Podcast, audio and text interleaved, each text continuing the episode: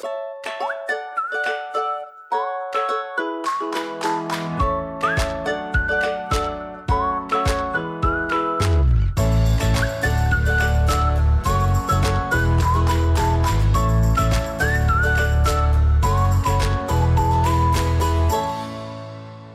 allemaal en welkom bij de Wat ik wou dat ik wist podcast. De podcast waarin ik deel wat ik wel eerder had willen weten en verhalen vertel waar jij je als twintiger hopelijk in herkent. Ehm, vorige week maakte ik een aflevering over ja, eh, hoe het is om dik te zijn in een wereld waar dun de norm is. Body positivity was eigenlijk ook wel een breed thema. En ik vond dat best wel een lastig onderwerp om het over te hebben.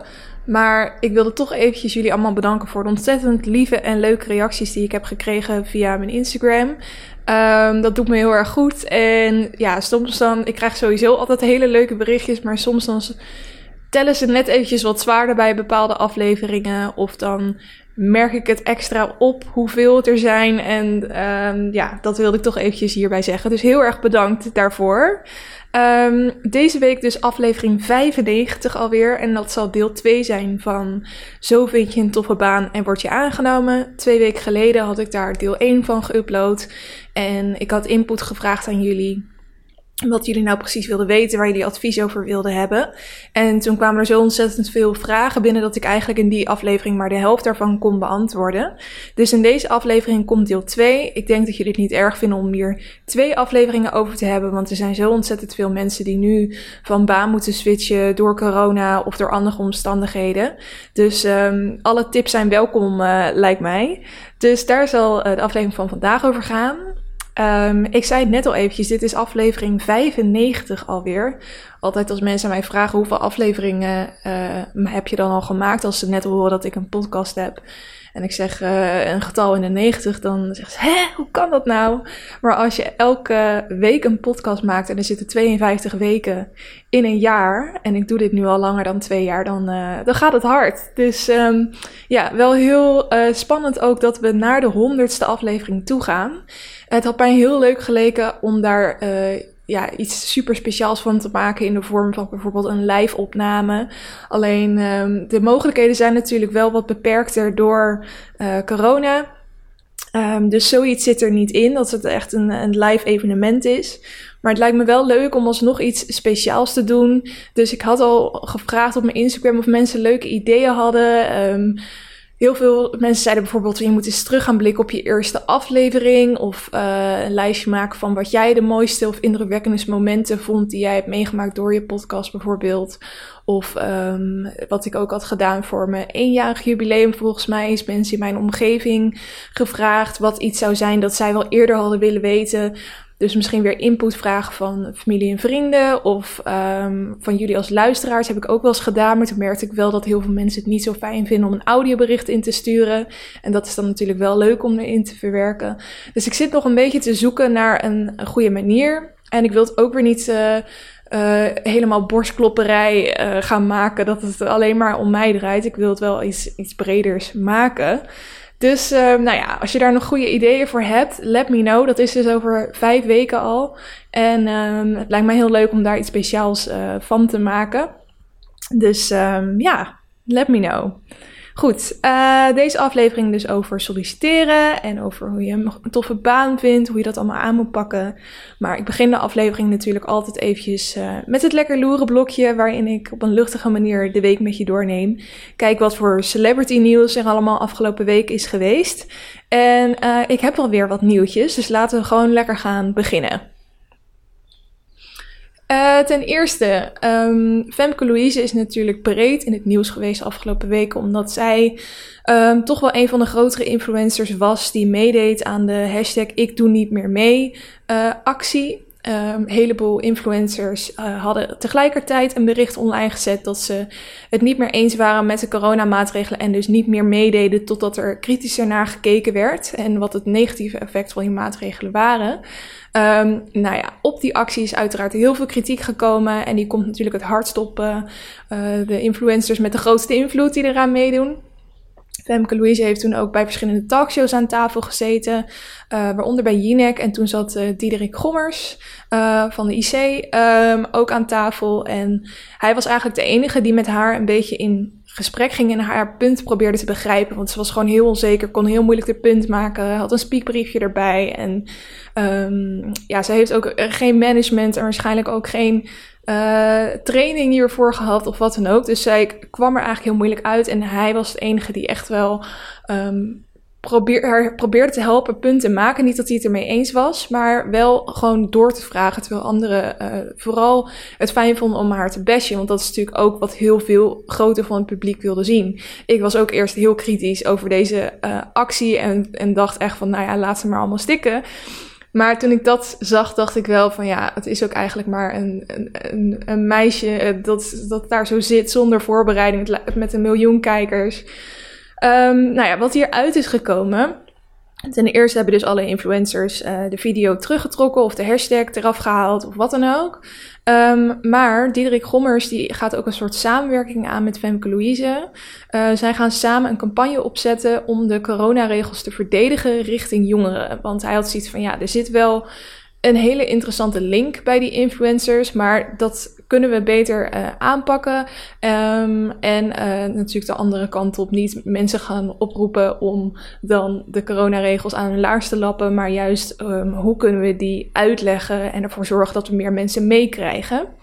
Dus zij gaan uh, samen aan de slag. Er was ook een fotootje uh, voorbij gekomen op social dat zij dus samen in zijn kantoor of zo stonden en dingen aan het overleggen waren. Um, ook heeft uh, Diederik Gommer sinds een paar dagen, dankzij Femke een Instagram-account. Omdat hij dacht, ja, dat is toch wel handig social media als je jongeren wil meekrijgen. Dus uh, dat vond ik ook wel heel grappig. Had hij al een soort selfie van een boot of zo, waar hij op een boot zat of zo um, geplaatst. Ik vind dat altijd heel grappig als hele officiële mensen dan privéfoto's uh, op social media posten. Een soort alsof je een aap uit de, uit de dierentuin ziet of zo. um, en uh, wat ze ook nog gaan doen is mondkapjes maken en verkopen. Um, ja, om dan dus eigenlijk de jongeren op een andere manier te bereiken en op de hoogte te stellen van wat de reden nou is van al deze maatregelen. Dus um, ik vind wel dat ze dat op een hele positieve manier hebben omgedraaid. En dat heb ik Femke Louise wel vaker zien doen. Dat ze een shitstorm over zich heen krijgt. En dat ze een actie toch ook wel weer mooi weten uh, om te draaien naar iets positiefs. Dus in dat geval, in dit geval is dat ook uh, gelukt naar mijn mening. Um, al hoop ik wel echt dat ze ook gewoon dit soort domme acties gaat voorkomen. Want je, kan natuurlijk niet te vaak dit soort shit gaan poelen en denken dat je er maar uh, mee wegkomt als je het maar weer op een andere manier aanpakt. Dus um, ja, interesting allemaal hoor. Alles wat hier gaande is rondom corona en hoe er nu ook een hele stroming ontstaat die zich er tegen verzet, terwijl ook wel weer de coronaregels worden aangescherpt. Um, ik vind het zo'n gekke tijd. Ik blijf het zeggen, maar iedereen blijft het zeggen waar we in leven. En soms dan denk ik echt, eh, ja, ik weet niet. Dan zit je opeens weer, weer thuis en dan heb je weer zo'n persconferentie en het lijkt alsof je een soort alternatieve wereld leeft of zo. Uh, alsof het allemaal niet echt is. Um, maar goed, laten we hopen dat het allemaal snel voorbij is. Dan uh, volgend nieuwtje. Dit vond ik echt verschrikkelijk toen ik dit las. Um, John Legend en Chrissy Teigen, die hebben uh, twee fantastische kindjes. Daarom volg ik Chrissy Teigen eigenlijk ook op de Instagram-account. Ook omdat ik er heel grappig vind. Um, maar ook omdat ze dus uh, hele schattige kindjes hebben. Een jongetje en een meisje. En uh, die ook vaak uh, voorbij komen. Nu was Chrissy zwanger van hun derde kindje. En um, daar had ze nog niet zo heel veel over gepost. Dat, dat was eigenlijk net, denk ik, een maandje geleden bekendgemaakt of zo. En um, af en toe legde ze iets vast op de Instagram. Totdat opeens, wat zal het zijn geweest, een week geleden, of misschien vijf dagen geleden of zo. Ik iets bovenaan mijn tijdlijn zag staan en ik dacht, hè, wat is hier opeens aan de hand? Um, wat blijkt gebeurd zijn is, uh, Chrissy had opeens heel veel bloedingen. En toen moest ze, ik weet niet hoe ver ze nou was in de zwangerschap. Dat kon ik niet echt goed vinden, maar in ieder geval overwegen volgens mij wel. En zij was dus naar het ziekenhuis gegaan omdat ze zoveel bloedingen had. En toen zei ze, ja, je moet gewoon echt heel veel rust gaan houden om deze zwangerschap uh, te voltooien. Dus toen is ze opgenomen, toen zijn ze daar gebleven. Uiteindelijk is er toch iets misgegaan. En uh, moest ze dus gaan bevallen en is het kindje doodgeboren. Echt verschrikkelijk. Um, ze had het kindje ook al een naam gegeven. Het was een jongetje en hij heette Jack. En um, ik denk dat heel veel celebrities dit best wel dicht bij zich zouden houden. En misschien heel kort berichtje erover op social zouden zetten. Maar um, zij had dus echt iets van vier foto's, waar zwart-wit foto's, dat zij in haar ziekenhuisbed ligt, aan het huilen is, een, een, dood kindje in de armen heeft, wel met doeken, je ziet het kindje zelf niet. Uh, een heel um, een verhaal onder de post ook over uh, hoe, wat er mis was gegaan, hoe ze zich voelde, ook met John Legend allebei aan het huilen. Nou, het, het echt mijn hart brak toen ik dat zag. Ik vond het echt verschrikkelijk en maar ook wel weer heel mooi hoe kwetsbaar ze dit durfde te delen. En ik denk ook dat dat heel veel mensen die dit ook is overkomen heel veel kracht kan geven. Um, want het laat ook wel weer zien van dat maakt niet uit hoe succesvol je bent, hoeveel geld je hebt. Een kindje moet je gewoon gegund zijn. En uh, het kan ook bij de derde gewoon net zo goed misgaan. Dat is dan misschien weer niet zo'n positieve boodschap. Maar ik denk dat heel veel mensen die iets zwaars overkomt ook vaak kunnen denken van waarom gebeurt dit mij, weet je wel. Um, terwijl het, het is echt puur ongeluk hebben. Er hoeft maar een klein dingetje mis te gaan. En het is zo fragiel allemaal, een zwangerschap. Dat ja, eigenlijk... Um, ja, nou, ik denk dat veel mensen hier ook wel uh, respect voor hebben en er kracht uit kunnen halen. Dan, um, ja, een beetje gek om die twee nieuwtjes naast elkaar te hebben misschien, maar Ander nieuwtje gaat over Kraantje Papi. Want die heeft gisteren een foto geüpload dat hij uh, uh, gezinsuitbreiding heeft. Zijn vriendin is zwanger. Um, hij had wel heel leuk gedaan. Hij heeft volgens mij een nieuwe schoenencollectie. In ieder geval hadden zij en zijn vrouw slash vriendin allebei dezelfde schoenen aan. En uh, hij had dan mini-versie van die schoentjes in zijn handen. Um, en het onderschrift was met z'n drieën. Dus nou ja, dan is de, de boodschap wat duidelijk op zich. Allemaal uh, mede-BN'ers die losgingen in de comments, zo ontzettend blij waren uh, voor hun. Um, ik vond het jammer dat hij in uh, zijn eigen onderschrift niet dezelfde grap had gemaakt. Kraantje wordt papi. Want dat was het eerste wat ik dacht. Die stond uiteraard al wel een aantal keer in de comments. Maar ik had, hem, ik had het mooi gevonden als hij hem zelf had gemaakt. Um, ja, superleuk. Echt, uh, ik vind het grappig dat je nu al die, die mensen die, waar je vroeger op losging van de muziek, dat die nu ook gewoon allemaal huisvaders worden, weet je wel. En zeker nu met corona zit natuurlijk zoveel uh, thuis dat je een hele andere kant van die celebrities allemaal leert kennen. En tot, uh, nee, niet tot slot, hierna heb ik er nog eentje. Uh, Duncan Lawrence, die heeft ook leuk nieuws, want die gaat trouwen met zijn vriend.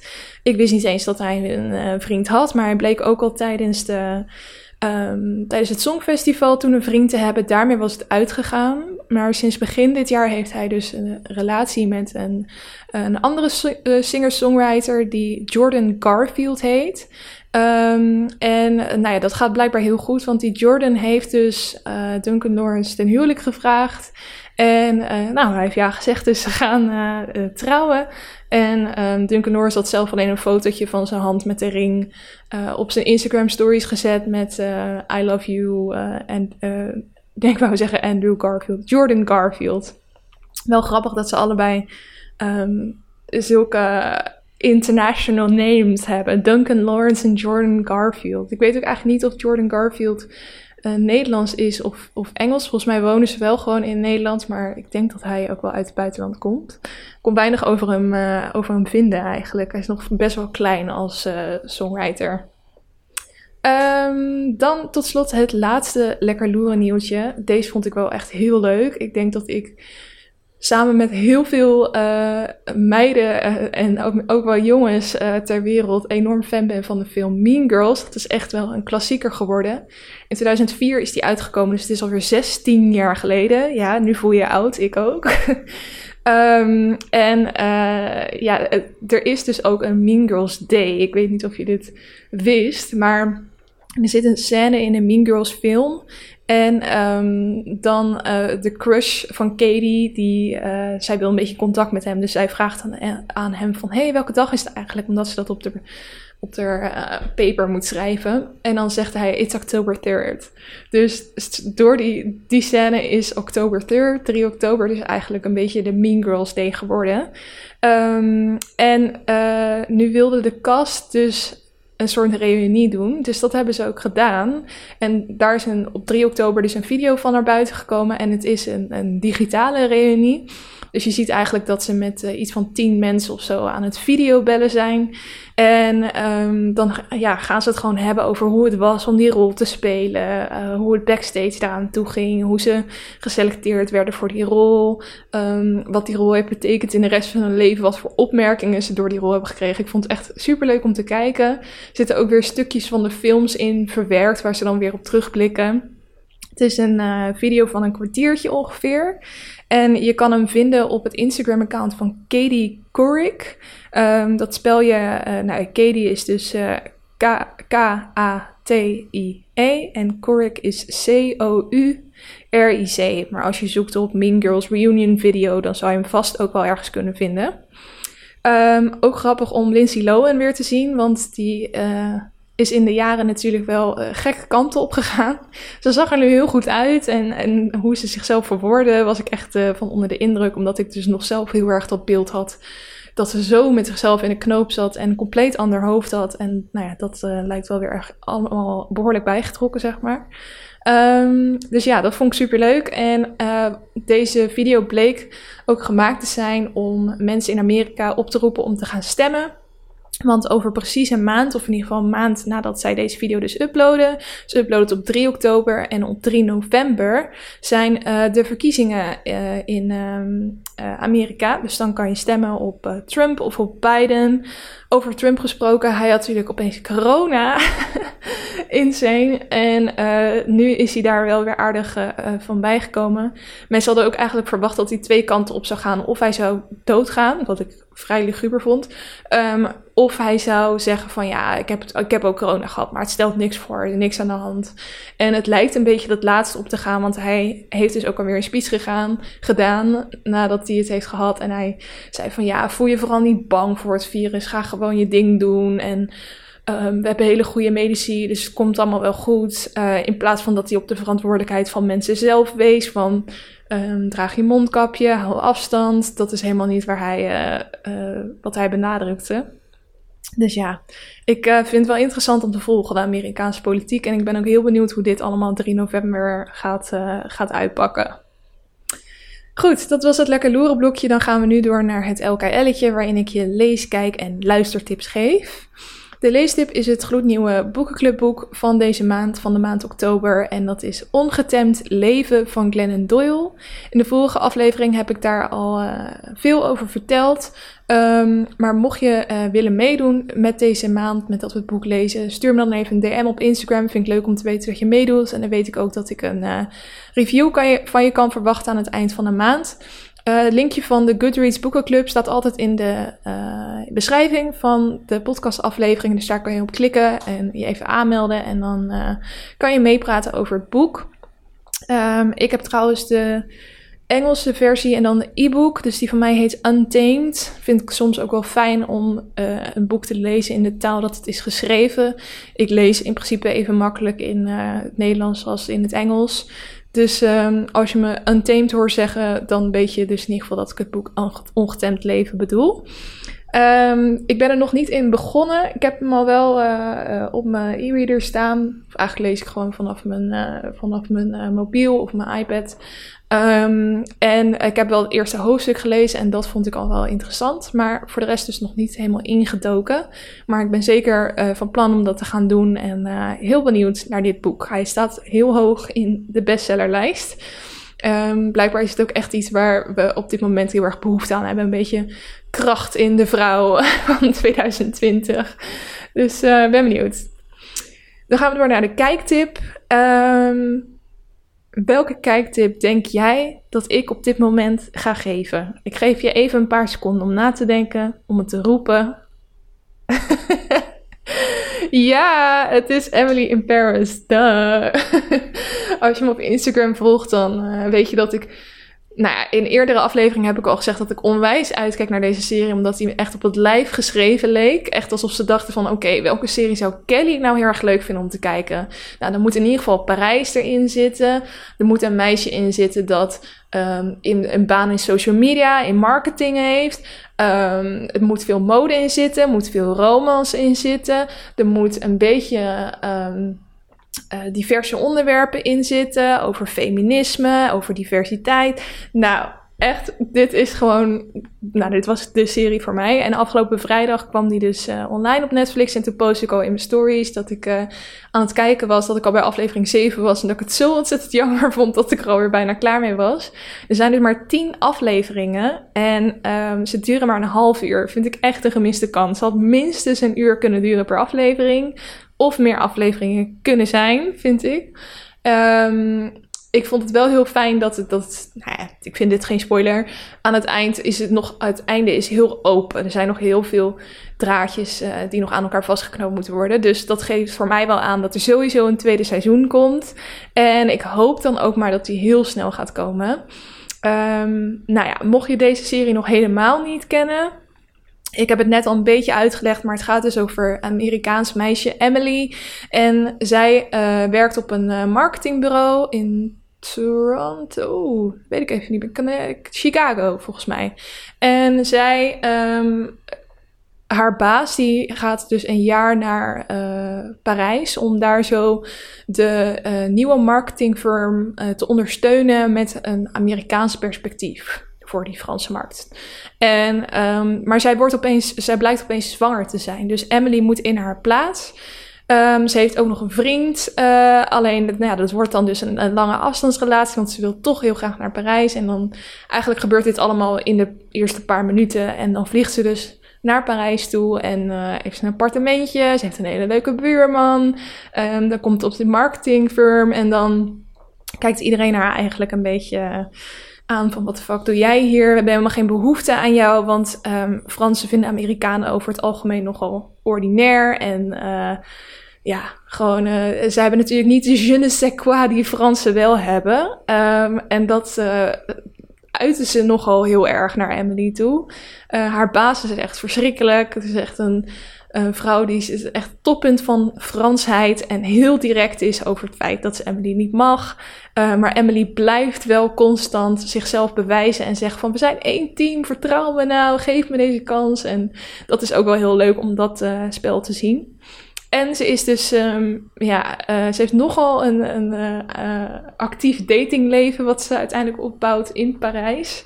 En dat is het enige waarvan ik dacht, dit klopt niet. Want ik heb ook wel uh, YouTubers die ik volg die in Frankrijk wonen en die dan daten. En die zeggen allemaal, uh, Fransen zijn echt Franse mannen. Die zijn, kunnen heel romantisch zijn. Maar ze kunnen je ook zo weer laten vallen. Weet je, dat is gewoon een manier om je eh, binnen te krijgen en je aandacht te hebben. En, zij zien dat gewoon ook als een sport. Um, maar ze kunnen je ook zo weer laten vallen. En zij is natuurlijk de hoofdpersoon, dus zij heeft alleen maar succes in de liefde. Daar elke man wil haar hebben. Wat op zich ook wel weer leuk is om naar te kijken, want een hoop knappe mannen betekent dat. Um, ja, ik heb onwijs veel zin in het nieuwe seizoen. En um, ik hoop dat die echt heel, heel, heel, heel snel gaat komen. Ik uh, viel een beetje in een gat toen ik klaar was met kijken. En toen uh, gaf iemand me ook de tip om The Bold Type te kijken. Dat is een serie die op Videoland staat. En dat gaat over drie vriendinnen die voor hetzelfde uh, magazine werken, in uh, Amerika ook. En um, zij proberen ook allemaal te werken aan hun carrière. Hebben ondertussen gedoe met vriendjes. En nou ja, op zich een beetje hetzelfde genre. Uh, maar het pakte me niet zo erg als dat Emily in Paris me pakte. Maar alsnog, als jij uh, van dit soort series houdt, dan is dat misschien wel iets om even te checken. Dat is dus de Bold Type op Videoland.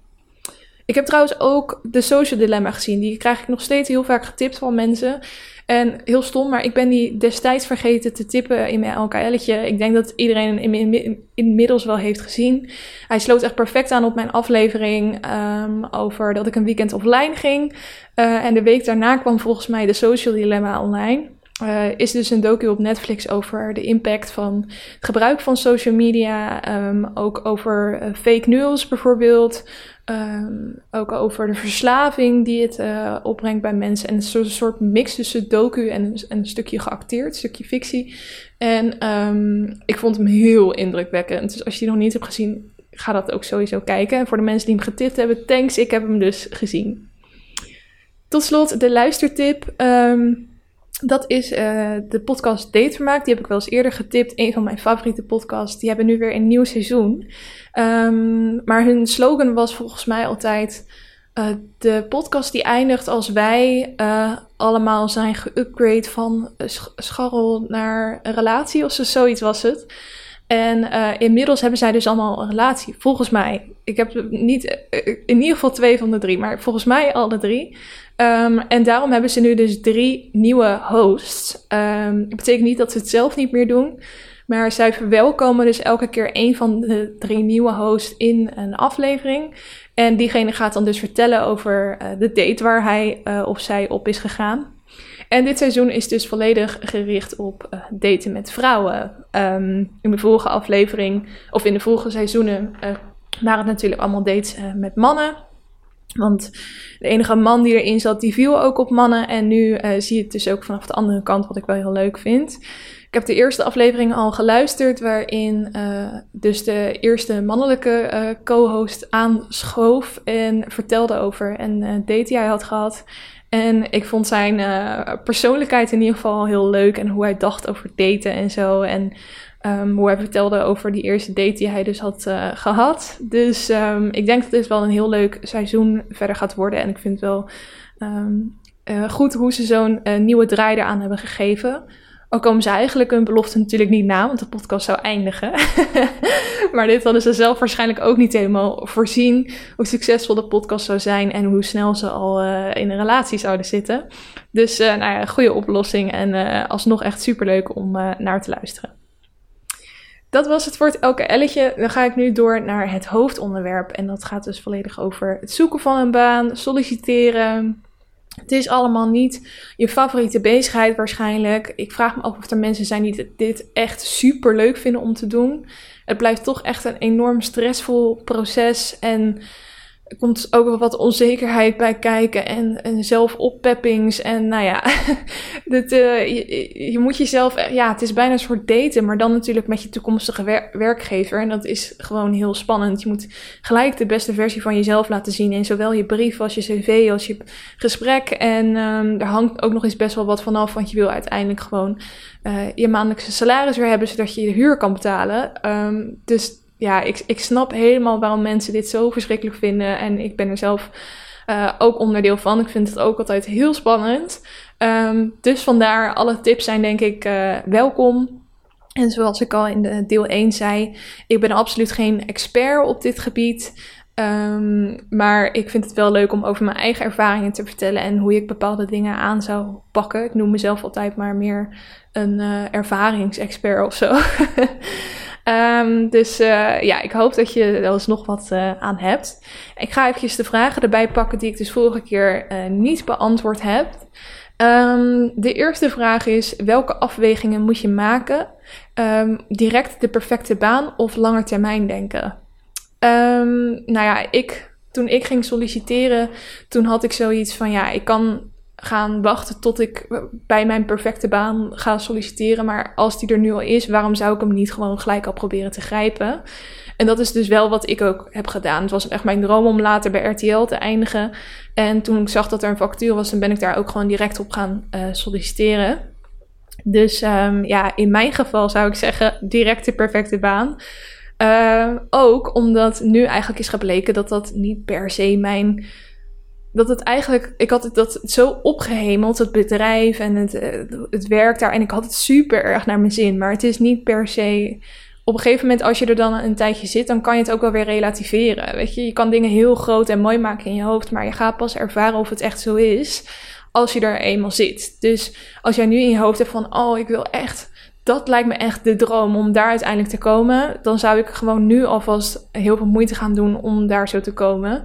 Want hoe eerder je er komt, hoe eerder je weet of dat ook echt zo dreamy is als dat je in eerste instantie uh, had gedacht.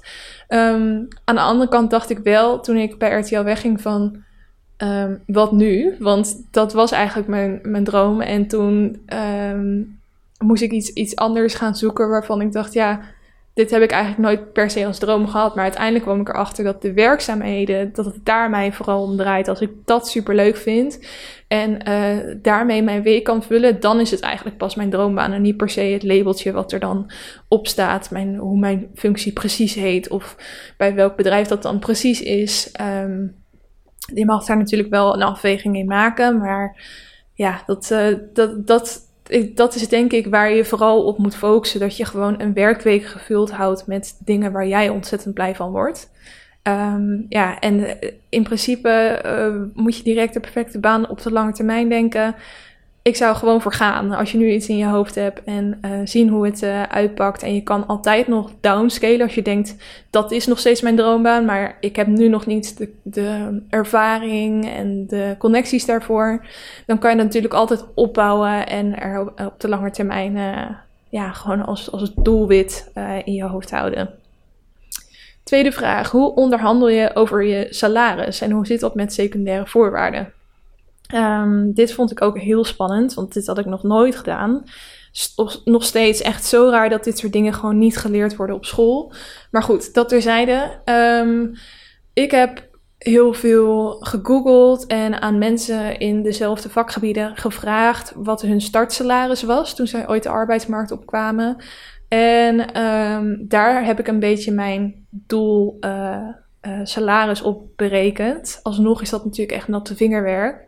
Maar um, je kan wel ook in ieder geval een soort berekening voor jezelf maken van als ik al mijn kosten wil betalen en ik wil ook nog een beetje sparen en ik wil eigenlijk ook nog uh, één, keer, één of twee keer per maand uit eten kunnen.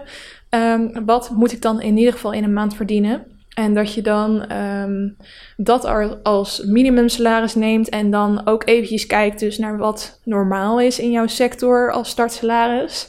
En op die twee uh, bedragen dan zelf, voor jezelf bepaalt wat echt jouw minimum is en ja, uiteindelijk uh, doel. En um, om dan daarmee te gaan uh, onderhandelen. Vaak vragen ze aan jou, wat wil je verdienen? Altijd hoger inzetten uh, dan je in je hoofd had. Want waarschijnlijk gaan zij toch wel lager zitten. Um, en dan kan je natuurlijk een beetje heen en weer gaan over dat salaris. Ik heb geluk gehad dat het bij mij altijd uh, via de mail is. Want ik vind mezelf op, uh, in tekst sterker dan in, in woord als het gaat om spannende confrontaties, zeg maar. Wat ik dat dan toch wel vind.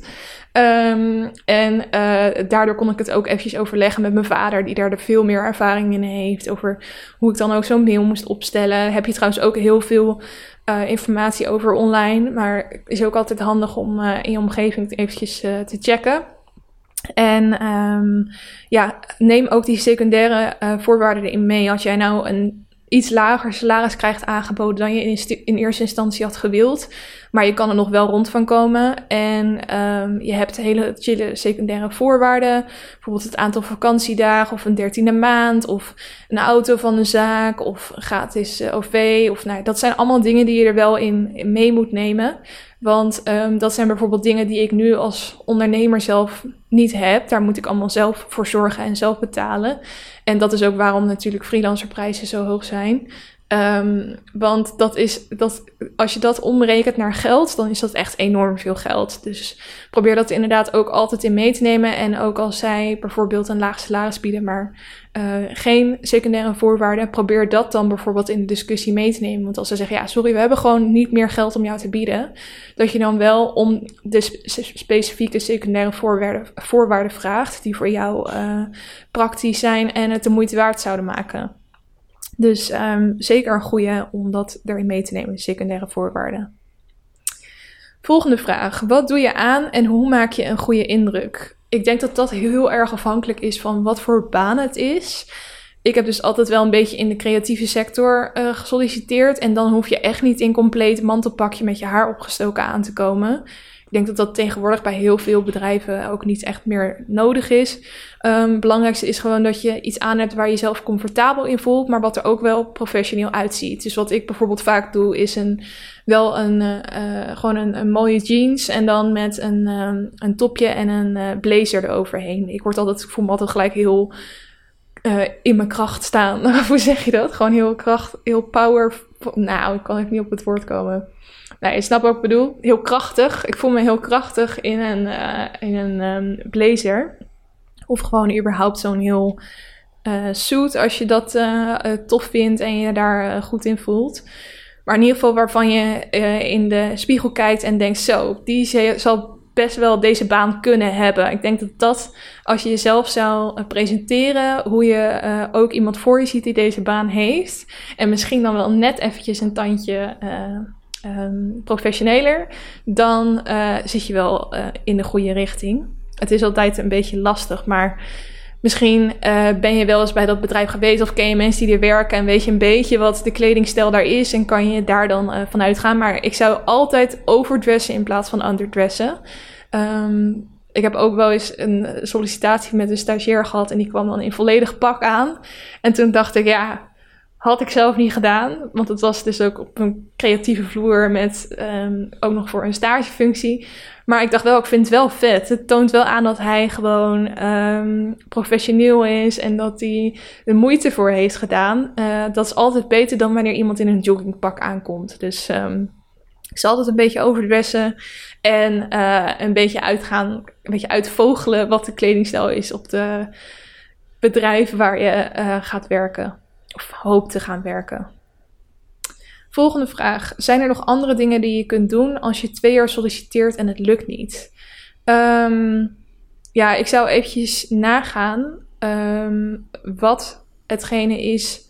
Ten eerste, uh, altijd als je ergens afgewezen wordt, vragen wat de reden is voor de afwijzing. Als ze niet reageren op je mail, dan bellen. Want Anders dan word je twee jaar lang afgewezen zonder dat je weet wat je fout doet. En natuurlijk, je doet niks fout. Maar misschien zijn er wel bepaalde dingen in um, de manier waarop je gesprekken ingaat. Of uh, iets dat mist op jouw cv. Of um, iets, uh, misschien maak je heel veel spelfouten in je motivatiebrief en zijn ze daarop afgeknapt. Ik weet het niet. En dan hoop je natuurlijk maar dat ze dat eerlijk durven te zeggen. Maar dat zijn dingen waar je aan zou kunnen werken. Ook als het iets is op een cv dat ze zeggen: ja, je hebt gewoon uh, te weinig ervaring op uh, gebied X. Um, dan kan je zorgen dat je daar zo een cursus voor gaat doen. Of um, dat je uh, werkervaring op gaat doen. Um, dat je op een andere manier toewerkt naar het plaatje dat zij willen hebben. En ik zou ook voor jezelf eventjes nagaan of wat jij, waar jij nu op probeert op solliciteert. Of dat misschien op dit moment te hoog gegrepen is. En dat je uh, op een andere manier daar ook terecht kan komen. Dus dat je um, door een functie in het bestel, je wil heel graag bij een specifiek bedrijf werken. Dat je dan voor een functie gaat die misschien wat lager, voor lager geschoolde is bijvoorbeeld. Maar dat je dan jezelf gaat opwerken binnen een bedrijf. Of dat je um, als jij uh, in een bepaalde sector wil werken, maar er is eigenlijk een andere sector die er ook heel goed bij aansluit, die heel vaak samenwerken, dat je misschien via die manier kan binnenkomen. Dus probeer ook wat uh, breder te gaan denken en uh, op andere manieren er te komen. En verder heb ik in de vorige aflevering, of in deel 1 ook gezegd, volgens mij, is je netwerk gewoon heel erg belangrijk. Dus ga dan ook zorgen dat je dat netwerk uitbreidt. Dus ik weet niet hoe je normaal solliciteert, maar als dat altijd is door gewoon op een vacature te reageren met een uh, simpele motivatietekst en een, uh, een, je cv meegestuurd, ga met creatieve manieren aan de slag hoe je eventueel op een andere manier zou kunnen solliciteren. Zoals bijvoorbeeld de video die ik zei, dat je met een video solliciteert of Um, dat je, nou ik weet niet, er zijn heel veel leuke creatieve manieren om te solliciteren. En daarnaast om je netwerk uit te breiden en bijvoorbeeld eens te gaan connecten met mensen op LinkedIn die al bij bedrijven werken. Um, probeer gewoon een, random vraag te stellen over van joh, lijkt me interessant om uit jullie te werken. Hoe zit het eigenlijk met puntje, puntje, puntje? Dan heb je alweer een connectie binnen dat bedrijf en um, kan je jezelf misschien op die manier naar binnen werken. Oké, de volgende vraag. Is het onbeleefd om over je salaris te beginnen tijdens je eerste gesprek? Um, dit is iets wat ik ook niet wist toen ik voor het eerst ging solliciteren. Heb ik ook aan andere mensen moeten vragen. En die zeiden eigenlijk allemaal wel dat um, het beter is om dat op je tweede gesprek te doen. Op de jobs waar ik heb gewerkt waren er ook elke keer twee sollicitatierondes. En eigenlijk werd er pas na de tweede sollicitatieronde ook. Um, ja, dat omdat het dan zulke grote bedrijven zijn, heb je dan die gesprekken gewoon met mensen met wie je zou komen te werken. En uh, neemt daarna de HR-afdeling contact op om uh, jou een voorstel te doen. En daar kon ik dan dus op de mail op reageren. En daar begon eigenlijk pas de salarisonderhandeling. Dus dat was zelfs na het tweede gesprek. Maar dat is denk ik ook heel erg afhankelijk van hoe groot het bedrijf is. Um, ik zou het in eerste instantie altijd eventjes overlaten aan de werkgever. Dus op het moment dat hij erover begint. Um, tenzij jij heel erg in de stress zit met dat je bijvoorbeeld ook nog een ander traject hebt lopen bij een... Um, een bedrijf waar je eventueel ook aan de slag zou kunnen en je ze echt een beetje tegenover elkaar uh, moet uitspelen, dan um, zou je er misschien wat eerder over kunnen beginnen. Maar het voor, ik, ik zou wel toch aanraden om dat uh, bij de werkgever te laten, of in ieder geval het moment. Want het kan nog rauw op een dak komen als iemand direct over het geld begint, of vrij vroeg in het proces, terwijl zij zoiets hebben van ja, wij willen gewoon iemand die het super vet vindt om hier te werken, die super goed bij ons aansluit en uh, dat is iets voor later. En ja, je hebt er dan misschien heel veel tijd in gestoken, terwijl je. Um, uh, ja, misschien het salaris het helemaal niet is. Maar de connecties die je opdoet, zijn ook weer wat waard. Dus um, ja, ik zou dat altijd de voorkeur geven. Al moet ik wel zeggen dat ik het echt heel raar vind. Als ik soms nog vacatures tegenkom waar niet een schatting staat van het salaris. Meestal staat er wel in tussen de 2500 en 3500 euro bijvoorbeeld, of salaris per maand. In ieder geval een schatting en, of een, een schaal waar je in gaat komen. En um, ja, ik, dat is echt stom als ze dat er niet in zetten. Maar ja, dat is een beetje een gevoelig dingetje vaak bij bedrijven. Dus ik zou daar wel voorzichtig mee omgaan. Wat kan ik doen tegen zenuwen? Uh, ik dacht dat ik deze in de vorige ook al had een beetje had uh, beantwoord. Nou ja, ik weet niet wat voor vraag dat toen was. Anyway, um, power moves, uh, quotes tegen jezelf in de spiegel. Ja, het zijn allemaal zulke clichés, maar het helpt wel. Uh, nacht goed slapen. Als ik niet in slaap kan komen, dan probeer ik altijd te bedenken: oké, wat, wat zou ik nu kunnen doen wat mijn prestatie op morgen beter gaat maken? En dan is het laatste wat ik nu moet doen wel uh, zenuwen hebben en niet in slaap kunnen vallen. Het beste wat ik nu kan doen is uh, zoveel mogelijk rust pakken, zodat ik morgen super scherp ben in het gesprek. Dus zo op die manier probeer ik mezelf altijd in slaap te laten vallen. Um, en dan op het gesprek zelf, als ik ja, uh, trillerig ben of wat dan ook, dan probeer ik uh, hele of allemaal goede ademhalingsoefeningen te doen. Die heb ik wel eens uit zo'n mindfulness app gehaald. Uh, over als je gaat mediteren, dan wordt natuurlijk ook een bepaalde ademhaling aangeleerd. Dus die probeer ik dan in te zetten. Um, te zorgen dat ik zelfverzekerd ben over mijn uiterlijk in ieder geval. Dat ik blij ben met mijn outfit en hoe mijn haar en make-up zit. Dat helpt voor mij ook al een hele hoop. En um, ook gewoon op jezelf in te praten door te zeggen dat deze baan, um, dat jij ook wat waard bent. Jij komt daar iets aanbieden. Jij komt jouw service aanbieden die voor hun heel waardevol zouden kunnen zijn. Zij hebben niet voor niks die vacature openstaan. Zij komen handjes tekort en zij zoeken iemand die hier verstand van heeft. En jij hebt gesolliciteerd omdat jij dat hebt. Zij hebben jou nodig. Dat moet je ook altijd blijven beseffen. Het is niet dat jij met hangende pootjes aankomt van, oh nee, maar alsjeblieft aan. Nee, jij mag ook best krachtig zeggen, dit ben ik en dit kan ik jullie bieden en wat hebben jullie voor mij? Als je met zo'n instelling het gesprek ingaat, dan scheelt dat denk ik al een hoop. En uh, ja, je zal alsnog misschien wel last hebben van een trillende stem of een beetje zweethandjes. Probeer dat gewoon te verbergen en er vooral niet te veel focus op te leggen. Er zijn ook mensen die zeggen van ja, je moet het juist benoemen, want dan is het niet meer, uh, dan ga je het niet opbouwen in je hoofd. Als jij je echt heel fijn daarbij voelt, dan moet je dat zeker doen. Ik heb zelf meer de tactiek van ik ga het gewoon niet over beginnen en uh, vooral doorpraten over onderwerpen waarvan ik weet dat ik er sterk in ben, want dan kom ik vanzelf wel over die zenuwen heen. Vaak is het ook de eerste minuut van het gesprek en daarna loopt het wel los. En weet je, zij snappen ook wel dat dit spannend is en zij hebben ook zelf op die plek waar zij nu zitten moeten solliciteren. Dat vonden ze waarschijnlijk ook spannend. Dus het hoort er ook gewoon een beetje bij. Dus uh, ja, maak je er vooral niet te druk om, zou ik zeggen. Heb je tips voor hippe vacature sites? Waar vind je vacatures? Um, ik uh, volg, uh, ja, dat heet nu niet meer vacature via Ginny volgens mij. Dat, zo heette dat vroeger. Ik ga het eventjes googlen hoe dat nu heet. Um, maar dat vond ik best wel een chille site. Daar stonden wel goede uh, vacatures op. Het heet nu gewoon vacaturevia.nl. En dat is dus, denk ik, wat je bedoelt met zo'n hippe site... waar dan allemaal functies op komen te staan in de creatieve sector of in de mediasector. Um, ja, verder uh, LinkedIn vind ik best wel chill. Vaak ga ik ook gewoon zoeken op bedrijven die ik leuk vind... en dan kijken of zij vacatures open hebben staan op LinkedIn bijvoorbeeld, of uh, gewoon op hun eigen website. Heel veel grote, uh, grote bedrijven hebben ook een, um, een eigen facturen website gemaakt. Dus dat is een tip. En um, ja, ik weet niet, hoe deed ik dat eigenlijk? Je hebt ook wel van die uh, plekken waar je in kan schrijven voor bijvoorbeeld specifiek van specifieke sectors. Dus als je in mijn geval in de media wil werken, dan uh, kan je ook zoeken op vacatures in de media. En dan hebben ze ook soms nieuwsbrieven of van die profielen dat je je in kan schrijven en dat je dan in je mail een melding krijgt als er dus een vacature is die goed bij jou past. Dus dat is ook altijd een tip. En um, die zullen ze ook best wel voor allerlei andere sectoren hebben. Daar heb ik natuurlijk zelf wat minder verstand van. Dus hopelijk heeft dit ook wel een beetje geholpen. Wat is belangrijk om in een motivatiebrief te zetten? Um, nou ja, ten eerste uh, zou ik gewoon een goede schets geven van wie jij bent als persoon. Uh, op werkgebied misschien ook een leuk persoonlijk feitje ertussendoor geven. Um, en uiteraard waarom jij denkt geschikt te zijn uh, voor deze baan. Waarom jij vooral een waardevolle toevoeging zou zijn voor het team.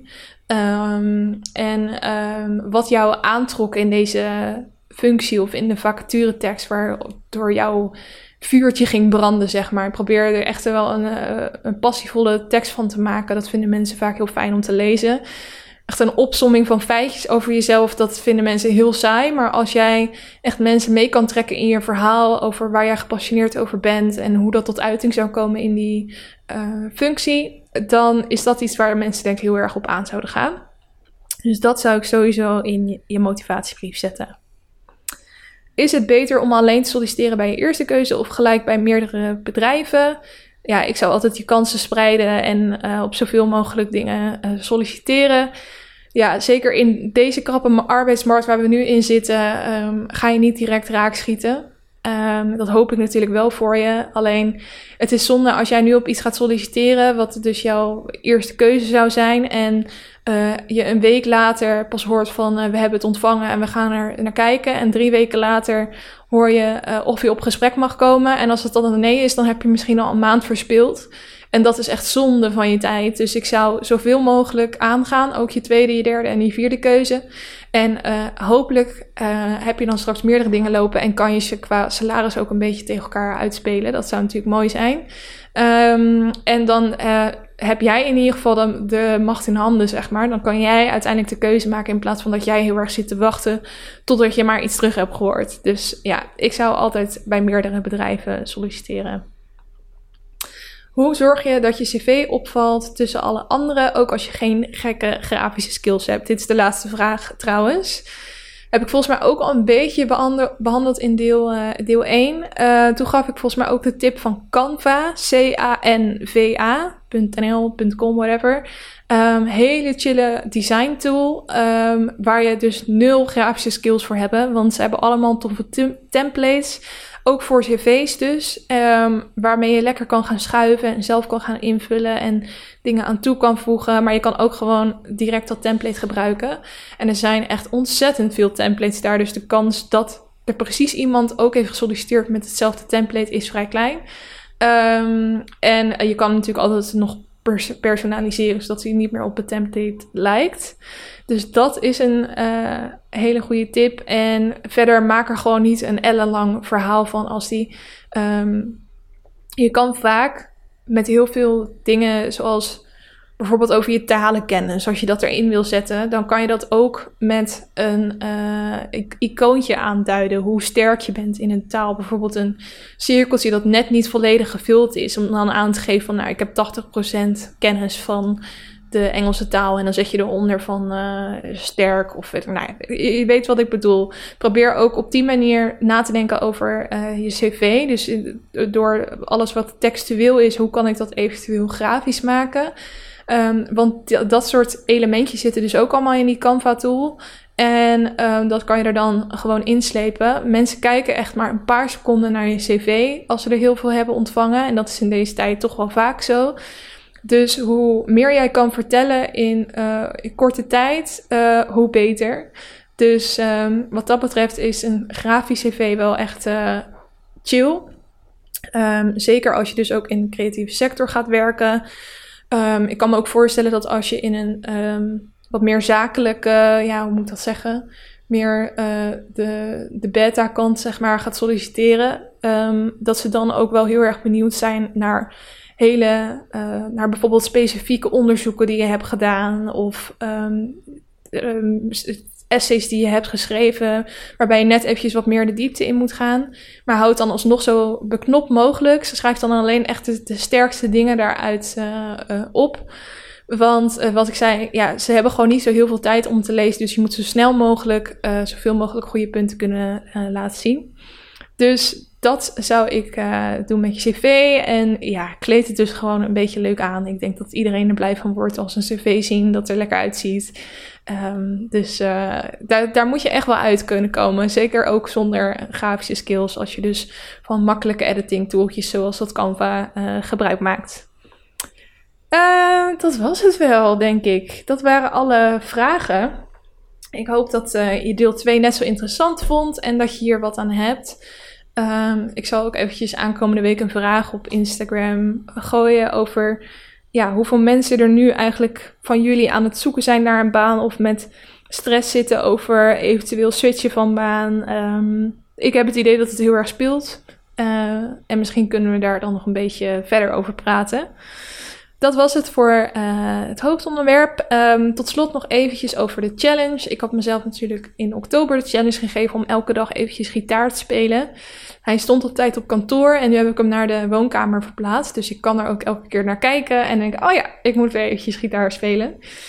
Ik vind het wel weer heel leuk om te doen, moet ik zeggen. Uh, ik krijg wel weer heel erg last van mijn vingers en mijn rug. Ik heb nooit echt een hele goede houding aangeleerd um, om gitaar te spelen. En ik heb vrij kleine handen. En uh, dat eelt is natuurlijk ook volledig verdwenen, dus dat moet ik weer een beetje op gaan bouwen. Um, dus ja, dat, uh, daar ben ik nu vooral mee bezig. En ik ben nog vooral bezig met het spelen van covers. Ik doe dat altijd via ultimate-guitar.com. Voor de mensen die ook gitaar spelen, die kennen die site vast wel. Daar staan uh, heel veel toffe liedjes op met dus ook de, de akkoorden en eventueel ook de tabs. Dus dat je echt mee kan plingelen. Um, daar ben ik minder sterk in, maar zeker met de akkoorden vind ik dat echt super leuk uh, om te doen. En um, op die manier hoop ik dan elke keer weer een beetje beter te worden. Dus um, wel heel leuk om uh, te doen, deze challenge. Uh, dat was het voor deze aflevering. Ik hoop dat je een superleuke week, of rest van de week, tegemoet gaat. En dat je de volgende week ook weer gezellig bij bent. Doei doei!